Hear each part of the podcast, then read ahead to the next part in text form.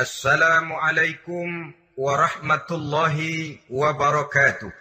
وعليكم السلام ورحمة الله وبركاته. بسم الله الرحمن الرحيم. الحمد لله رب العالمين. والصلاة والسلام على أشرف الأنبياء والمرسلين.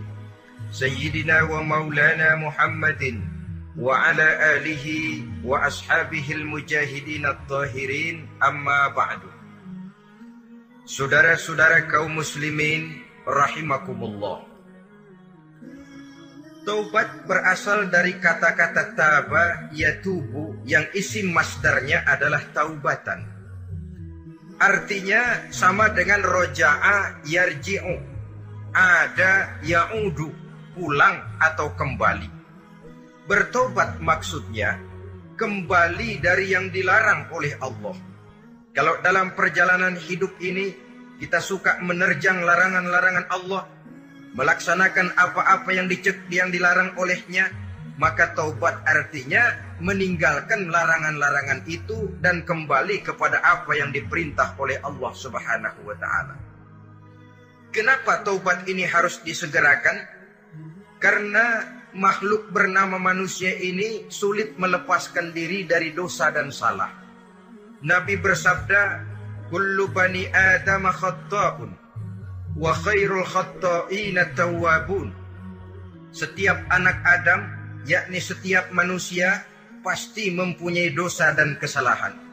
Dan sebaik-baik orang yang mempunyai dosa dan kesalahan ialah orang yang segera bertaubat.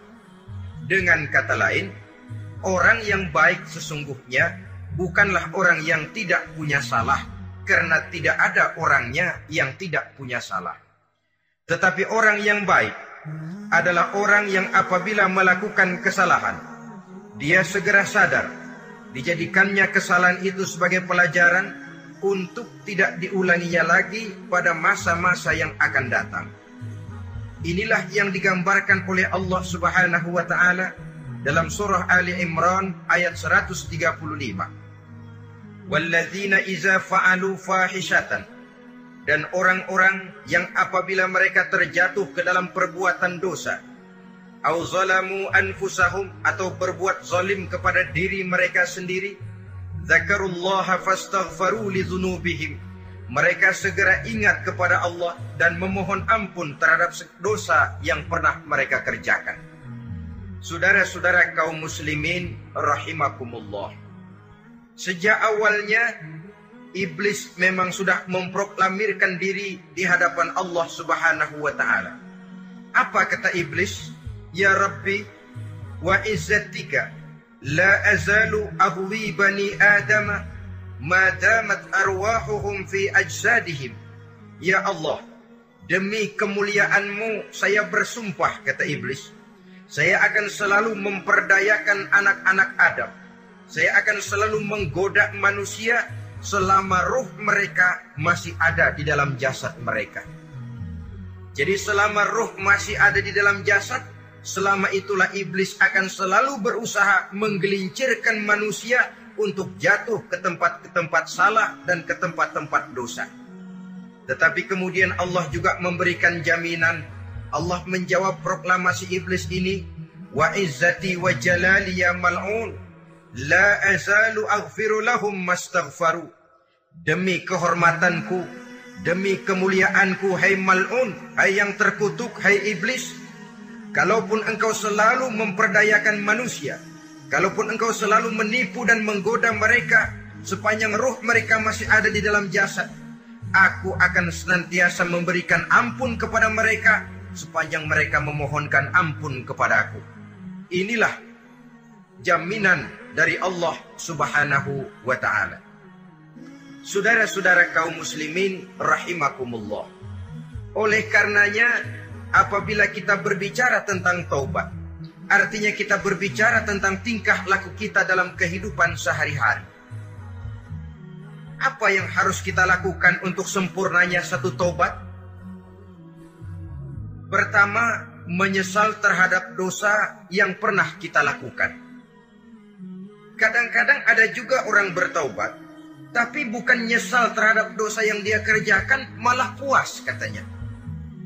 Dia ngomong sama teman-temannya, saya dulu zaman muda sudah kenyang judi, kenyang zina, kenyang mabuk-mabukan, sudah puas. Sekarang tinggal benernya saja, saya sudah taubat. Taubatnya sih bagus, tapi puasnya itu yang jelek. Kenapa harus dikatakan puas? Bukan puas, menyesal. Menyesal saya dulu. Kenapa hanyut terjebak dosa? Kenapa tenggelam di meja judi? Kenapa tenggelam di minum minuman keras? Kenapa hanyut kepada perbuatan munkar dan maksiat? Saya menyesal sekali. Menyesal diperintah dan bukan malah puas. Dari rasa menyesal ini nanti timbul hal yang kedua yaitu berniat tidak akan mengulangi lagi perbuatan dosa. Kalau menyesal tapi masih diulangi lagi, itu belum taubat yang sebenarnya. Saya kapok menyesal tidak mau minum minuman keras lagi. Besok tidak ada minuman keras malah pusing. Nyari ke sana kemari. Itu belum taubat yang sebenarnya. Jadi setelah menyesal, berniat tidak akan mengulangi lagi perbuatan dosa itu. Kalau menyesal tapi masih diulanginya lagi, itu sama saja dengan main-main. Saudara-saudara kaum muslimin rahimakumullah. Barangkali itu yang orang namakan dengan taubat sambal namanya. Kita kalau makan nasi pakai sambal pedesnya bukan main, repot, marah, ngomel. Gila, sambal pedes bukan main, taubat sama sambal. Taubat sama sambal katanya. Tapi dua tiga hari kemudian dia makan lagi, nggak ada sambal, nyari. Kemarin sudah taubat, taubat dua hari kemudian malah nyari. Ini bukan taubat yang sebenarnya. Penyesalannya tidak diiringi dengan berniat untuk tidak mengulangi perbuatan dosa itu selama-lamanya. Saudara hadirin, kita sudah taubat, tidak mau lagi minum minuman keras. Datang teman, minum ya, Gak mau. Kenapa? Saya sudah taubat. Yang benar. Benar. Kalau dibayarin? Tahu dah. Jadi rupanya taubatnya itu cuma karena nggak ada yang bayarin. Begitu datang yang bayarin, berangkat lagi. Itu belum lagi merupakan taubat yang sebenarnya. Begitu juga kita taubat dari meja judi. Pada waktu sudah buras, bangkrut, habis-habisan, mungkin menyesal, mungkin bertobat. Inilah akibatnya judi, rumah tangga berantakan, harta buras, anak terlantar, uang tidak ada. Tobat saya tidak mau lagi-lagi tenggelam di meja judi. Pada saat kondisinya bangkrut, itu yang diucapkan. Tapi dua, tiga hari, empat, tiga minggu, satu bulan kemudian rezekinya banyak, makmur lagi, usahanya maju lagi, lupa lagi dia kepada ucapan sebelumnya akhirnya sedikit demi sedikit tenggelam kembali di meja judi. Ini pun belum merupakan taubat yang sebenarnya. Jadi untuk sempurnanya taubat, yang pertama menyesal terhadap dosa yang telah dilakukan, yang kedua berjanji tidak akan mengulangi lagi, kemudian yang ketiga meninggalkan perbuatan jahat itu untuk selama-lamanya. Dengan kata lain, kalau memang taubat tidak mau minum lagi, talak tiga itu minuman keras. Kalau memang niat tidak akan berjudi lagi, talak tiga itu segala macam bentuk perjudian. Meninggalkan perbuatan jahat. Yang keempat, menunaikan semua fardu dan kewajiban. Sebab barangkali pada saat kita tenggelam dalam dosa, perintah-perintah Allah jangankan yang sunnah, yang wajib saja sering kita lalaikan. Maka apabila diri telah berniat melaksanakan taubat, maka tunaikan semua kewajiban-kewajiban yang disyariatkan oleh agama kepada kita. Yang kelima, meminta halal kepada para lawannya dengan termasuk mengembalikan hak milik orang lain ini kalau menyangkut hukukul adamiyin atau hak-hak manusia. Jadi kalau kita berdosa kepada sesama manusia, Allah belum akan menerima taubat kita kalau kita belum minta maaf kepada yang bersangkutan. Adapun kalau kita sudah minta maaf tapi yang bersangkutan tidak mau memberikan maaf, itu urusan dia kepada Allah. Urusan kita adalah meminta maaf kepada yang bersangkutan. Hal yang keenam, mendidik atau melatih diri untuk bertaat kepada Allah. Sebagaimana kita dulunya telah melatih diri, memperturutkan diri untuk berbuat durhaka. Lalu memperbaiki yang dimakan dan yang diminum. Itu juga merupakan ciri dari orang-orang yang melaksanakan taubat kepada Allah subhanahu wa ta'ala. Kemudian apalagi memperbanyak istighfar di dalam kehidupan. Disabdakan oleh Nabi, "Inna likulli da'in dawa'un wa dawa'u zunubi al-istighfar." Sesungguhnya segala macam penyakit tentu ada obatnya dan obat dari segala macam dosa adalah istighfar. Saudara-saudara kaum muslimin rahimakumullah. Jadi kalau yang terdahulu merupakan perbuatan-perbuatan konkret, maka yang terakhir ini taubat dalam bentuk ucapan berupa memperbanyak istighfar, memohonkan ampun kepada Allah Subhanahu wa taala. Mari kita lihat. Dalam teladan hidup kita, manusia yang hatinya paling bersih tidak lain adalah Rasulullah sallallahu alaihi wasallam. Beliau sudah mendapat jaminan ampun dari seluruh dosa liyaghfir lakallahu ma taqaddama min zambika wa ma ta'akhkhar kata Allah. Muhammad, dosamu yang dahulu, dosamu yang sekarang, dosamu yang akan datang jikalau memang ada, seluruhnya sudah mendapat jaminan ampun dari Allah. Tetapi coba lihat dari sejarah perjalanan hidup yang mulia ini. Sungguh pun beliau sudah nyata-nyata mendapat jaminan ampun dari Allah. Beliau mengatakan, Ayuhan nas tubu ilallah fa inni atubu fil yaumi mi'ata marra wahai manusia bertaubatlah kepada Allah. Maka sesungguhnya saya kata beliau dalam satu hari bertaubat seratus kali kepada Allah. Dalam riwayat yang lain sab'ina marra 70 kali beliau mengucapkan istighfar minimalnya dalam sehari semalam. Orang yang sudah nyata-nyata mendapat jaminan ampun dari Allah ini satu hari satu malam istighfarnya minimal 70 kali. Apatah lagi kita yang nyata-nyata belum mendapat jaminan ampun dari Allah. Di dalam satu hadis diriwayatkan bahwa iblis laknatullah alaih pernah berkata, Ahlaktun nasa bizunubi wal ma'asi Aku rusak dan aku hancurkan kehidupan manusia dengan dosa dan dengan segala macam perbuatan maksiat. Iblis menghancurkan manusia dengan menanamkan kegemaran berbuat dosa dan menanamkan kesukaan untuk bergelimang dalam dunia-dunia maksiat. Tetapi kemudian iblis mengakui wa ahlakuni bila ilaha illallah wal istighfar. Tetapi kemudian terbalik manusia menghancurkan aku dengan kalimat la ilaha illallah dan dengan istighfar yakni mengucapkan astaghfirullahalazim. Inilah senjata pemungkas menghadapi upaya iblis untuk menghancurkan manusia. Kalau iblis menghancurkan manusia dengan perbuatan dosa, dengan menenggelamkan manusia ke dalam perbuatan-perbuatan maksiat, hendaknya kita sadar. Pada saat kita terdorong untuk melakukan perbuatan dosa, kita lalu sadar inilah perangkap iblis untuk membinasakan saya.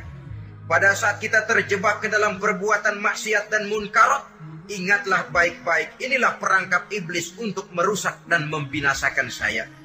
Maka hancurkan perangkap iblis, hancurkan tipu daya dan usaha iblis itu dengan apa? Dengan kalimat la ilaha illallah dan dengan memperbanyak istighfar. Falamma ra'aitu dzalik, ketika aku lihat hal itu kata iblis, mereka hancurkan kita dengan dosa dan maksiat dan kita hancurkan mereka dengan la ilaha illallah dan istighfar. Diamkah iblis? Puaskah iblis? Ternyata tidak. Apabila aku lihat usaha manusia itu, ahlaktuhum bil huda, ahlaktuhum bil hawa, wahum yahsabuna annahum muhtadun Apabila mereka hancurkan aku dengan la ilaha illallah dan istighfar, maka aku kembali menghancurkan mereka dengan mempergunakan hawa nafsu sehingga mereka menyangka bahwa mereka adalah orang-orang yang mendapat petunjuk. Ditanamkan dalam diri kita perasaan bahwa kitalah orang yang paling benar, itu pun tipu daya iblis. Maka orang pintar itu baik, tapi merasa pintar itu jelek. Orang benar itu bagus, tapi merasa benar itu tidak baik. Karena biasanya orang kalau sudah merasa benar, lalu cenderung untuk menganggap orang lain tidak benar. Kalau sudah begitu, dia akan mengklaim diri, sayalah orang yang paling benar, yang lain tidak benar semuanya. Itu termasuk perangkap iblis juga setelah kita gempur mereka dengan kalimat tahlil dan dengan kalimat istighfar. Saudara-saudara kaum muslimin rahimakumullah. Allah Maha Pengasih dan Maha Penyayang. Ia akan mengampunkan perbuatan yang bersifat salah dari manusia. Hanya manusia saja yang kadang-kadang bodoh, tidak mau mengampuni dan memaafkan dirinya sendiri dengan membiarkan dirinya terseret berlarut-larut dalam dosa tanpa keinginan untuk bertaubat. Sepanjang nafas belum sampai di tenggorokan, sepanjang matahari masih terbit di sebelah timur dan terbenam di sebelah barat, sepanjang itu Allah masih akan menerima taubat seorang hamba. Inna Allah yakbalu taubatal abdi malam yughargir. Allah akan senantiasa menerima taubat seorang hamba sebelum nafasnya sampai di tenggorokan. Apabila nafas sudah sampai di tenggorokan, maka taubat sudah terlambat adanya. Lalu yang konkret di dalam kehidupan ini, apa ciri-ciri dari orang yang melaksanakan taubat itu? Seorang ahli hikmah berkata, pertama orang yang taubat itu kelihatan bahwa dalam kehidupan ini dia mampu menjaga lidahnya dari ucapan yang berlebih-lebihan, dari ucapan yang tidak ada manfaatnya, dari ucapan yang mengandung dosa, namimah, mengadu domba, dan ucapan-ucapan yang merugikan orang lain. Orang yang taubat kelihatan dari lidahnya. Ini yang konkret. Yang kedua, orang yang taubat itu cirinya tidak ada lagi rasa dengki di hatinya. Tidak ada keinginan untuk membenci dan memusuhi orang lain. Kenapa? Dia sudah sibuk memikirkan kekurangan dirinya sendiri. Sehingga tidak ada waktu lagi untuk mengorek-ngorek, mencari-cari aib dan kekurangan pada diri orang lain. Ini makna ucapan Nabi, Tuba liman syaghalahu aibuhu an uyubin nas. Beruntunglah orang yang kekurangan pada dirinya menyebabkan dia cukup sibuk sehingga tidak sempat mencari-cari dan mengorek-ngorek aib dan kekurangan orang lain.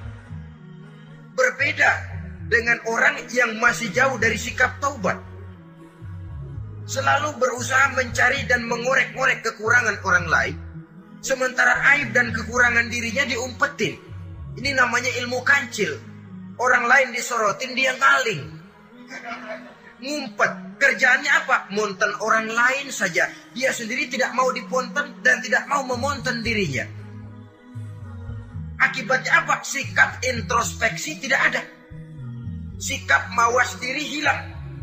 Sikap melihat bercermin terhadap pribadinya sendiri hilang. Yang ada cuma menilai orang lain saja. Jadi adapun orang yang sudah bertaubat ini di hatinya tidak ada dengki. Melihat orang lain mendapat nikmat, alhamdulillah, dia ikut bersyukur. Lain dengan orang yang jauh dari taubat. Tetangganya dapat nikmat, dia meriang. Tidak senang hatinya melihat orang lain senang. Orang melarat malah tepuk tangan. Saudara hadirin yang saya muliakan, orang yang semacam ini pada hakikatnya selalu disiksa oleh perasaannya sendiri. Kalau tetangganya yang kaya, ditanya ke mana dukunnya. Tapi kalau tetangganya jatuh melarat, dia tepuk tangan, gembira bukan main. Lain dengan orang yang sudah bertobat, hasud itu hilang dari dirinya. So hasud inilah yang akan memakan kebaikan yang kita kerjakan. Kata Nabi, hasud itu bisa memakan kebajikan seperti api memakan kayu bakar. Allahu Akbar. Puasa kita, zakat kita, sholat kita. Habis keropos dimakan oleh sifat hasud. Tidak terasa, tapi begitu kita punya sifat dengki kepada orang lain. maka sholat kita dimakan oleh dengki tadi.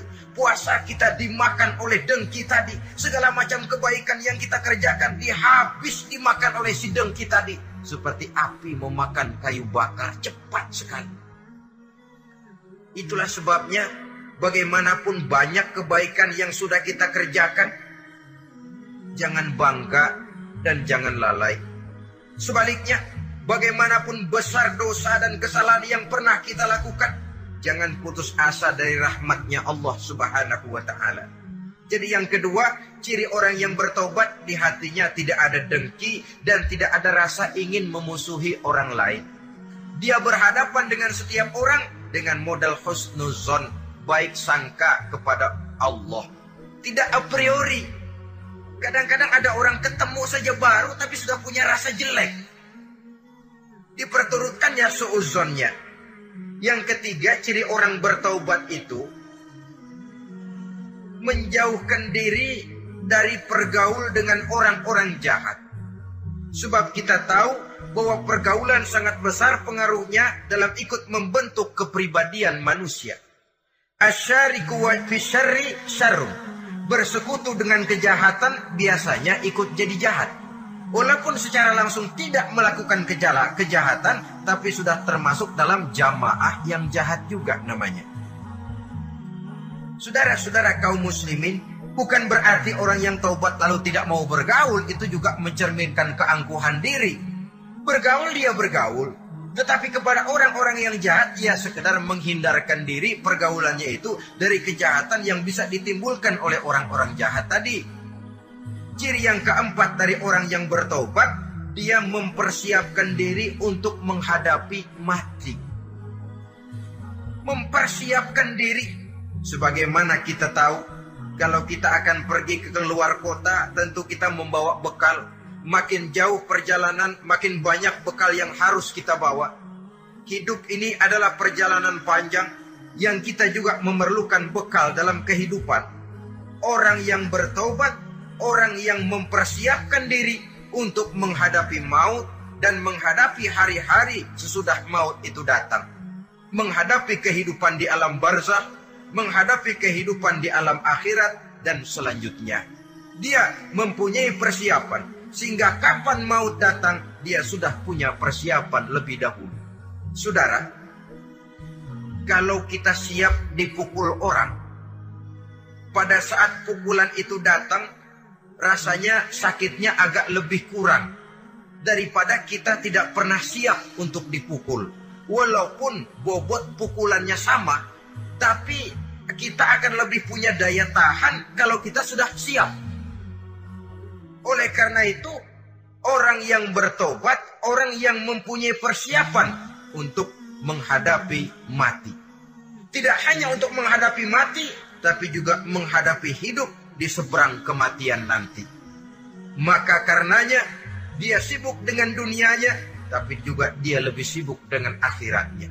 Dia tenggelam dalam berbagai macam kesibukan dunia, lain saat dia memfanakan diri untuk membekali diri menghadapi kehidupan sesudah hidup yang sekarang ini. Ciri-ciri ini tentu akan kelihatan dari gerak hidup seseorang. Saudara-saudara kaum muslimin rahimakumullah. Jadi dengan kata lain, kalau kita kembali kepada surah Ali Imran ayat 135 tadi, apabila dalam kehidupan terjebak kita kepada perbuatan dosa, atau zolim kepada diri sendiri, zakarullah, segeralah mengingat Allah.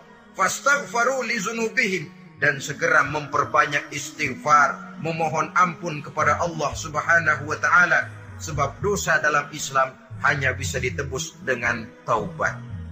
Bukan dengan uang, bukan dengan beras, bukan juga dengan piagam, dosa dalam Islam hanya bisa ditebus dengan melaksanakan taubat kepada Allah. Dan untuk bertobat tidak usah ngulur waktu. Besok saja, bulan depan saja, tahun depan saja, nanti saja kalau sudah agak sedikit tua. Ibarat diri kita ini kaca, kata Imam Ghazali, maka dosa adalah debu.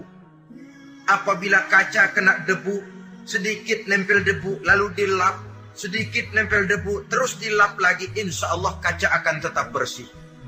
Tapi kalau kita menunggu debu sampai banyak, apalagi sampai berurat, berkarat, nanti akan sulit membersihkannya. Demikian hati manusia itu. Kalau sudah dihinggapi oleh dosa, ditumpuknya lagi, ditumpuknya lagi, berkarat dosa dalam hati, biasanya berat untuk melaksanakan taubat. Lebih meningkatkan pengertian kita tentang ciri dari orang-orang yang bertobat, mari kita ikuti sebuah dialog yang pernah terjadi antara Rasul dengan para sahabat. Satu hari ketika sedang berkumpul dengan para sahabat, baginda Rasul bertanya, Atadruna manit ta'ib? Saudara-saudara, tahu nggak saudara-saudara, siapa sebenarnya orang-orang yang bertaubat itu? Macam-macam lah jawaban para sahabat, tapi yang jelas akhirnya mereka berkata, Allahu wa rasuluhu a'lam. Allah dan Rasulnya yang lebih tahu siapa sebenarnya orang yang bertaubat itu. Atas jawaban ini, baginda Rasul lalu menegaskan. Pertama, man taba wa lam yata'allamil ilma falaysa bita'ibin. Siapa orang yang mengaku bertaubat kepada Allah, lalu dia tidak mau mencari ilmu, tidak mau belajar, falaysa bita'ibin, maka dia belum termasuk orang yang bertaubat. Jadi di sini jelas bahwa bukan hanya dari dosa kita bertobat, juga bertobat dari kebodohan. Dalam arti tidak membiarkan diri kita bodoh terus menerus dengan bahasa anak sekarang, bodoh tapi betah.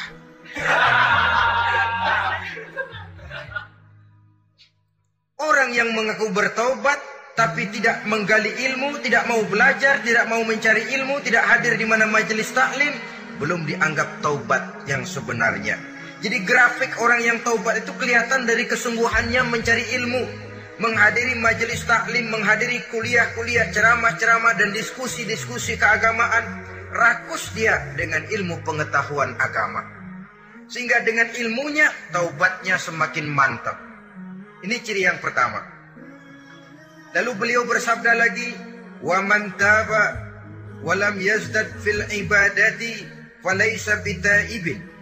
Barang siapa yang mengaku bertobat tapi ibadahnya tidak tambah-tambah, maka dia belum termasuk orang yang taubat. Orang yang bertobat ada grafik peningkatan ibadahnya. Jadi kalau mulutnya taubat, minta ampun, tapi ibadahnya gitu-gitu aja, belum merupakan taubat yang sebenarnya.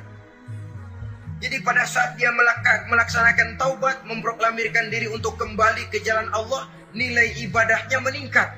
Kalau sholatnya tadinya cuma sekedar yang wajib-wajib saja, setelah dia taubat, bertambah melaksanakan yang sunnah, rawatibnya, qobliyah, ba'diyahnya, atau kemudian nawafilnya berupa tahajud, hajat, duha, istikharah, dan sholat-sholat sunnah lainnya.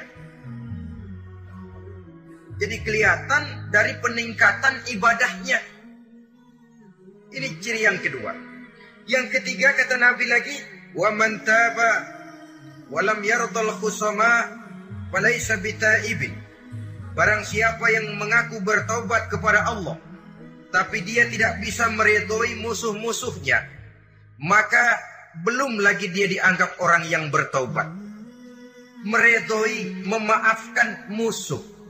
Saudara, memberi maaf itu lebih sulit daripada minta maaf. Tapi memberi maaf lebih mulia daripada minta maaf. Minta maaf gampang, memberi maaf yang sulit.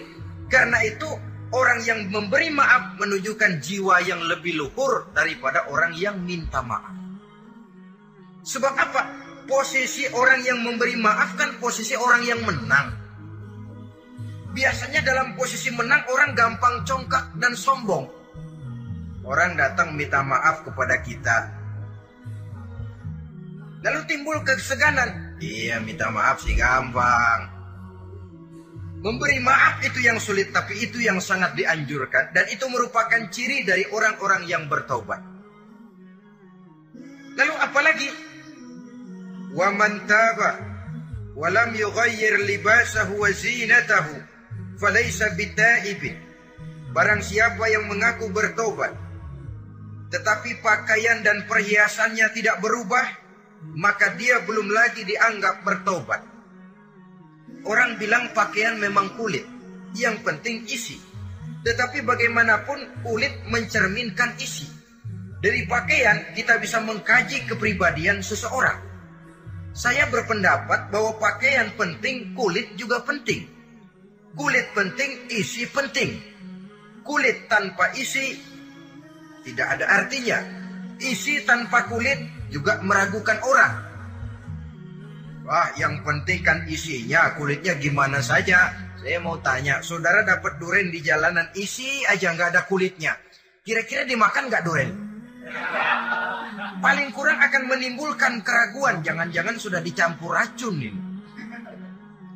Jadi dengan demikian orang yang bertaubat ini kelihatan dari cara berpakaian, cara berhias diri, tidak over. Dia kembali kepada fungsi berpakaian. Dalam Islam kan sesungguhnya fungsi pakaian itu yang paling utama. Pertama, nutup aurat. Itu ukurannya. Yang kedua, pantas. Yang ketiga, baru soal mode. Di zaman kita sekarang terbalik. Mode nomor satu, pantas belakangan, nutup aurat apa tidak nomor 16.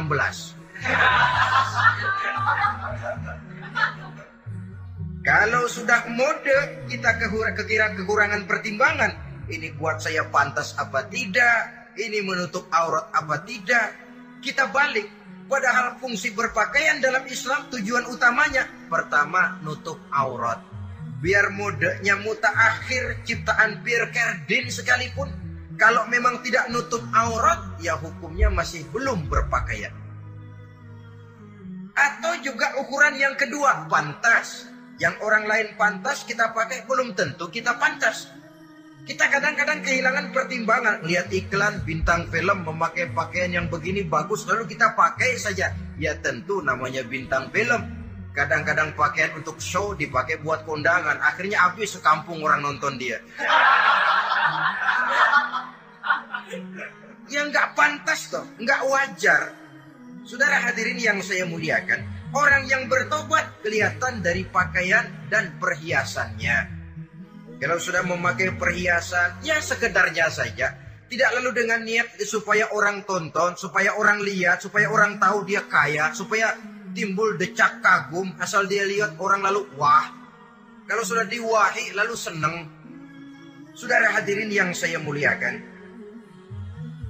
Kemudian kata Nabi lagi, "Wa man taba walam yubaddil ashabahu falaysa bitaibin. Siapa yang mengaku bertaubat tapi pergaulannya dari itu ke itu saja seperti itu-itu juga tidak mengalami perubahan, maka dia belum lagi dianggap bertaubat. Kalau taubat kita dari judi, jangan bergaul lagi dengan penjudi. Dalam arti, jangan berkumpul di majelis judi ah saya sih udah tobat nggak main judi tapi ngumpulnya di situ terus. Ya bagaimana? Pada akhirnya tuh pada akhirnya tuh akan terseret juga. Saudara hadirin yang saya muliakan jadi dengan demikian lingkungan juga sangat besar pengaruhnya dalam kriteria orang yang bertobat. Selanjutnya Nabi bersabda wa man taba walam yughayyir khuluquhu falaysa bitaibin Siapa yang mengaku bertaubat, tapi akhlaknya, budi pekertinya tidak mengalami perubahan, maka orang itu pun belum dianggap bertaubat. Ini juga konkret. Orang yang bertaubat kelihatan dari akhlaknya. Kalau kemarin sama orang tua songong, kurang ajar, nyelongcong, maka setelah taubat dia berakhlak kepada orang tua.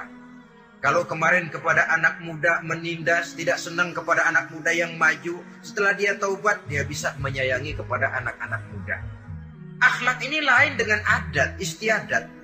Adat biasanya hanya memandang yang lahir, sedangkan akhlak zohir batin dipandang. Contoh, seorang anak muda kalau lewat di depan orang tua membungkukkan badan, menurut adat dia sudah sopan. Tapi menurut akhlak belum tentu berakhlak. Tergantung kepada niatnya apa bungkukin badan. Permisi apa ngina. Kan mungkin saja orang membukukan badan lewat di depan aki-aki karena menghina sebab aki-aki itu badannya udah bungkuk. Jadi gerakan zohir yang baik yang diiringi dengan niat yang baik itulah cerminan daripada akhlak. Kalau adat terlepas dari soal niat. Asal zohirnya sudah oke okay, menurut adat, oke okay, dia beradat. Niatnya apa? Adat tidak pernah menilai. Maka orang yang bertaubat pun kelihatan dari akhlaknya dan akhlak itu adalah keseluruhan tingkah hidup manusia.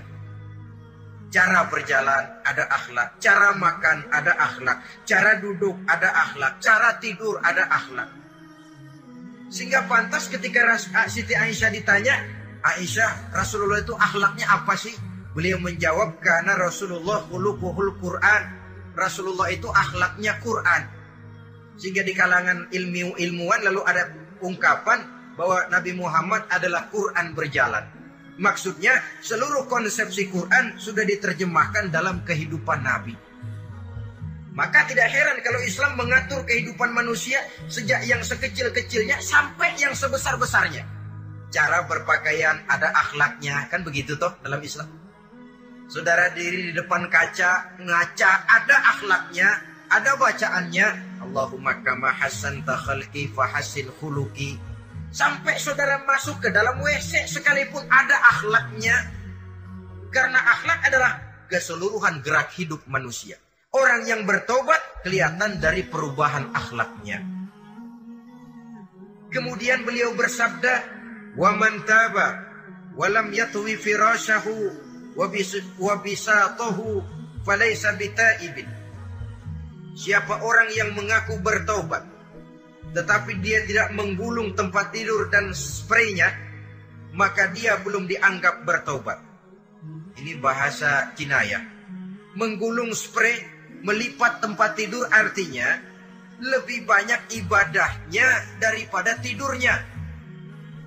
Kalau ngaku taubat tapi sehari 24 jam, 22 jam tidur cuma 2 jam ibadah, ya belum belum mencapai kriteria itu. Dengan kata lain, orang apabila sudah memproklamirkan diri untuk tobat, menyingsingkan lengan baju, melipat spray, menggulung tempat tidur.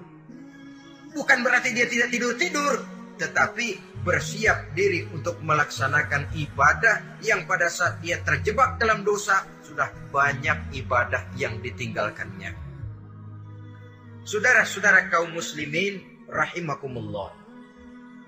Kemudian beliau bersabda pula, "Wa man taba wa lam yatasaddaq fa'ala falaysa bita'ibin." Barang siapa yang mengaku bertobat, kemudian dia tidak menyedekahkan karunia yang diberikan Allah kepadanya, maka taubatnya belum lagi dianggap taubat yang sebenarnya. فمن استبان من العبد هذه الخصال فهو تائب حقا.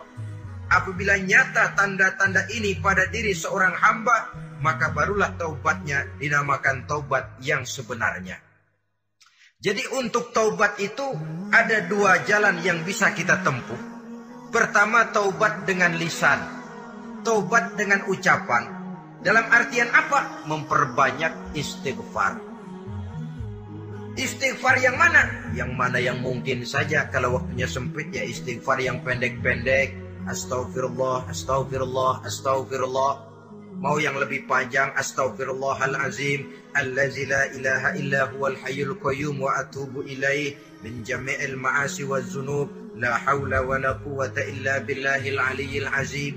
Ada waktu yang lebih panjang lagi membaca sayyidul istighfar.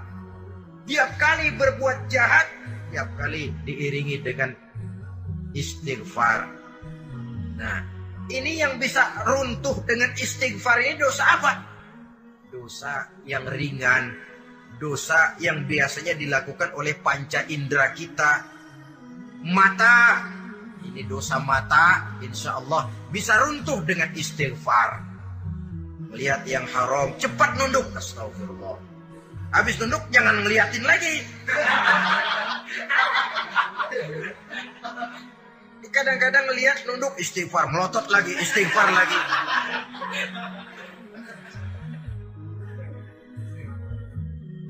Saudara hadirin yang saya muliakan, Kata Imam Ali, nazratul ula laka wasaniyatu alaika. Ini dalam menjaga mata.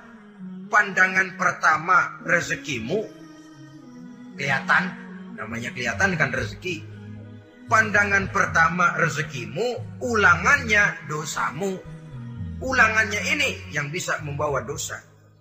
Dosa karena lidah mengucapkan kata-kata yang menyakitkan orang dengan istighfar insya Allah runtuh. Adapun dosa-dosa besar lainnya tentu harus dengan perbuatan. Tidak cukup dengan sekedar istighfar saja. Perbuatannya apa? Itulah seperti yang sudah saya sampaikan pada ciri-ciri orang yang bertaubat tadi. Oleh karenanya, beruntunglah kita masih diberikan umur oleh Allah. Sehingga segala dosa dan kesalahan yang kita lakukan kita masih punya kesempatan untuk mengadakan pemutihan, bertaubat kepada Allah. Nah, apa kemudahan yang diberikan Allah kepada orang yang melazimkan istighfar di dalam hidupnya? Pertama kata Nabi, man lazimal istighfar, siapa orang yang melazimkan membiasakan diri istighfar, diberikan keistimewaan oleh Allah. Pertama, ja'alallahu lahu min kulli dhikin makhraja. Allah akan memberikan jalan keluar untuknya dari segala macam kesulitan. Hidup ini kan problem. Makin tinggi status sosial, makin banyak urusan. Urusan akan selesai apabila hidup di dunia selesai. Kita menyangka orang lain lebih enak dari kita, padahal tiap orang punya urusan. Yang namanya enak barangkali persis seperti pelangi biang lala itu. Tidak pernah di atas kepala kita, di atas kepala orang lain saja. Begitu kita memandang keenakan dalam hidup ini. Petani bilang pedagang enak, pedagang bilang petani enak. Tapi begitulah keenakan itu. Orang yang melazimkan istighfar, dia akan diberikan jalan keluar dari segala macam kesulitan. Menurut perhitungan otak didlek, buntu, tidak sanggup lagi, entah bisa terwujud dan terlaksana. Allah memberikan jalan keluar dari segala kesulitan. Saudara, kalau Allah sudah memberikan jalan keluar dari kesulitan, siapa lagi yang bisa bikin sulit kita? Kalau Allah yang memberikan jalan keluar, everything is running well katanya. Semua urusan bisa jalan dengan lancar. Tapi tanpa istighfar, jauh kita dari Allah. Jalan yang sudah lapang pun bisa jadi sempit. Urusan yang sudah nyata akan selesai pun bisa jadi injelimet. Dan jalan yang tadinya tidak berliku-liku pun bisa berliku-liku. Ini faktor yang di luar perhitungan matematis. Kita tidak mampu, Allah maha mampu. Menurut akal kita tidak mungkin. Kalau Allah mau, tidak ada yang tidak mungkin. Saudara-saudara, ini fasilitas pertama. Orang yang gemar istighfar diberikan jalan keluar dari segala macam kesulitan. Yang kedua, wa min kulli hammin faraja. Diberikan kegembiraan dari setiap kesusahan yang dihadapinya. Ada saja faktor-faktor yang mendatangkan kegembiraan, yang mendatangkan refreshing di dalam kehidupannya. Sehingga dia tidak lalu merasa jalannya buntu, tidak merasa kesulitannya tidak pernah terselesaikan. Dan yang ketiga, fasilitas yang diberikan Allah kepada orang yang gemar istighfar min. Allah akan memberikan kepada mereka rizki dari jalan yang tidak pernah mereka sangka-sangka. Dari jalan yang tidak pernah mereka perkirakan sebelumnya. Saudara-saudara kaum muslimin rahimakumullah.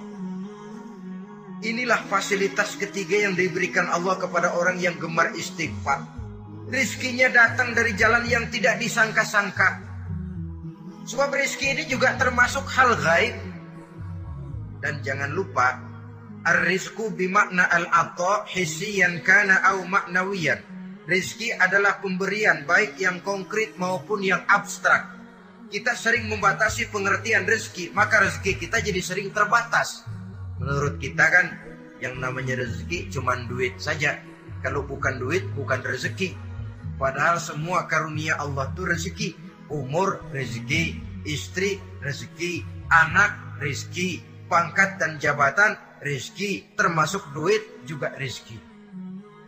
Tapi dalam kebiasaan kita, rezeki cuma duit. Begitu duit seret, kita anggap rezeki macet.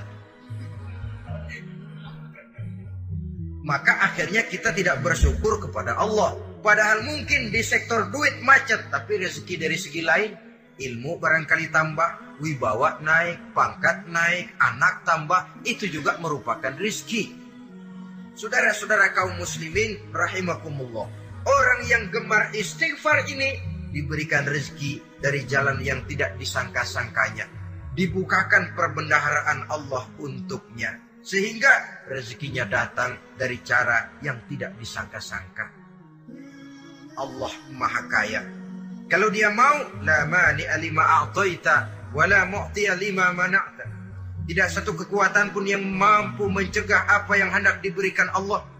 Dan tidak satu kekuatan pun yang sanggup memberikan apa yang dicegah oleh Allah subhanahu wa ta'ala. Ini keistimewaan yang diberikan Allah kepada mereka yang gemar beristighfar di dalam kehidupan ini. Jangan lagi berpikir, ah gue sih nggak punya dosa istighfar-istighfar amat. Sombong, saudara-saudara. Manusia itu lebih baik merasa banyak dosa daripada merasa tidak punya dosa. Tanda orang bahagia, kata Nabi empat. Pertama, Orang yang selalu ingat kepada kesalahan yang pernah dia lakukan. Itu orang bahagia. Selalu ingat kepada kesalahan yang pernah dilakukannya. Sehingga pada saat akan melakukan kesalahan yang baru, dia mikir-mikir. Dosa gue yang kemarin udah tiga keranjang, ini nambah lagi. Ingatannya terhadap kesalahan yang lalu akan merupakan langkah preventif yang mencegah dirinya untuk tidak menambah kesalahannya. Orang bahagia, orang yang selalu ingat kesalahan yang pernah dia lakukan, terbayang di pelupuk mata, bukan ngumpet-ngumpetin dosa sebab apa yang mau kita umpetin di hadapan Allah. Yang kedua, tanda orang bahagia itu orang yang selalu melupakan kebaikannya. Kalau dia berbuat baik, dia lupakan. Dia anggap dirinya belum pernah berbuat baik. Sehingga di mana ada kebaikan dia tidak bisa ikut, dia merasa sangat rugi. Sebab dia anggap dirinya belum pernah berbuat baik. Yang ketiga tanda orang bahagia dalam urusan dunia dia lihat ke bawah. Sehingga timbul rasa syukurnya bahwa kalau dia sengsara masih banyak yang lebih sengsara dari dia. Bahwa kalau dia miskin masih jauh lebih banyak yang miskin dari dia bahwa kalau dia menemui kesulitan masih banyak yang jauh lebih sulit dari dia. Dengan cara itu jiwanya akan lapang, hidupnya akan tenang dan dia tidak pernah ingkar kepada nikmat yang diberikan Allah. Sebaliknya yang keempat, tanda orang bahagia itu dalam urusan akhirat dia lihat ke atas. Dunia lihat yang bawah, akhirat lihat yang atas. Kalau dia bisa sholat, kenapa saya tidak? Kalau dia sanggup puasa, kenapa saya tidak? Kalau dia bisa baca Quran, kenapa saya tidak? Timbul panas, nyontoh, nyontoh ibadah mendatangkan kebahagiaan. Rakus ibadah malah dianjurkan. Rakus dunia malah tercela. Nah, lawanannya orang celaka, saudara-saudara. Orang celaka juga tandanya empat lawanan yang tadi itu. Pertama, orang yang selalu melupakan kesalahannya. Kalau berbuat dosa, lupa, sok bersih, Alah, dosa gue mah dikit. Saudara hadirin yang saya muliakan. Orang yang selalu melupakan kesalahan, menganggap dirinya bersih, akhirnya kalau ingin berbuat dosa nggak mikir-mikir. Tidak ada lagi yang ditimbang-timbang.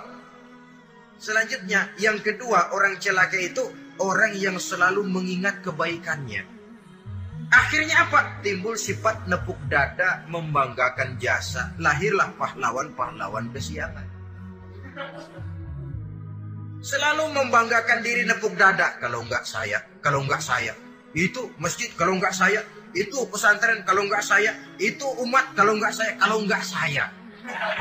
Memangnya kalau enggak sampean kenapa? Orang yang celaka adalah orang yang selalu menghitung-hitung kebaikan yang pernah dikerjakannya. keikhlasannya kurang, makin dia hitung, makin kurang nilai pahalanya. Makanya kalau berbuat baik, ya anggap saja buang sampah, gak usah ditengok-tengok, gak usah diingat-ingat, dan gak usah mengharap orang yang kita tempat berbuat baik akan membalas kebaikan. Saudara hadirin yang saya muliakan. Yang ketiga tanda orang celaka dalam urusan dunia melihatnya ke atas. Panasnya timbul. Sirik dan dengkinya naik. Rakusnya jadi.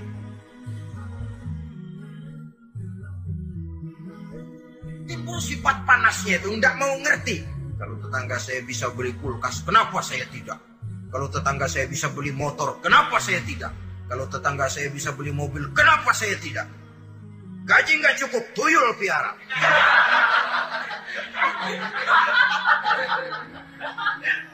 Orang itu kalau sudah didorong oleh rakus kan bisa jadi menghalalkan segala macam cara untuk mencapai tujuan. Dibakar oleh sifat tamak dan rakus bin serakah. Nah, kalau sudah didorong oleh rasa rakus, yang segera tersingkir pertama rasa malu. Orang kalau sudah rakus nggak ada malunya. Rasa malunya hilang. Padahal syarat jadi orang itu kan kalau punya rasa malu. Nggak punya rasa malu, kurang syarat jadi orang. Akan bagaimana jadinya masyarakat, bahkan bangsa dan negara, kalau rakyatnya sudah tidak punya rasa malu. Yang kedua rasa takut hilang, terutama takut kepada Allah. Sirna sama sekali. Sudah tujuan menghalalkan cara. Yang keempat, tanda orang celaka dalam urusan akhirat lihatnya malah ke bawah. Kenapa kamu nggak sholat? Itu bapak Ano yang tuan, enggak, saya enggak lagi. Kenapa ngelihatnya mesti kepada yang begitu? Sehingga lalu tidak ada gairah untuk mencontoh. Saudara-saudara kaum muslimin rahimakumullah. Walaupun serba singkat oleh karena terbatasnya ruang pembicaraan ini, mudah-mudahan bisa memberikan gambaran sepintas tentang ciri-ciri orang yang bertaubat. Dengan harapan, marilah kita menjadi orang yang bertaubat sebenarnya dengan ciri menyesal terhadap dosa yang pernah kita lakukan, meninggalkan perbuatan jahat, dan berjanji tidak akan mengulangi lagi perbuatan jahat itu. Kalau dia menyangkut hak-hak manusia, maka hak itu harus kita kembalikan dan kepada yang bersangkutan kita harus meminta maaf. Apabila ditambah dengan kegiatan lisan, memperbanyak istighfar dalam kesempatan yang mungkin di sepanjang perjalanan hidup ini. Ini sajalah yang kita bicarakan pada pertemuan kali ini. Terima kasih atas segala perhatian. Mohon maaf atas segala kekurangan. Usikum wa nafsi bitaqwallah. Wassalamualaikum warahmatullahi wabarakatuh. Waalaikumsalam warahmatullahi wabarakatuh.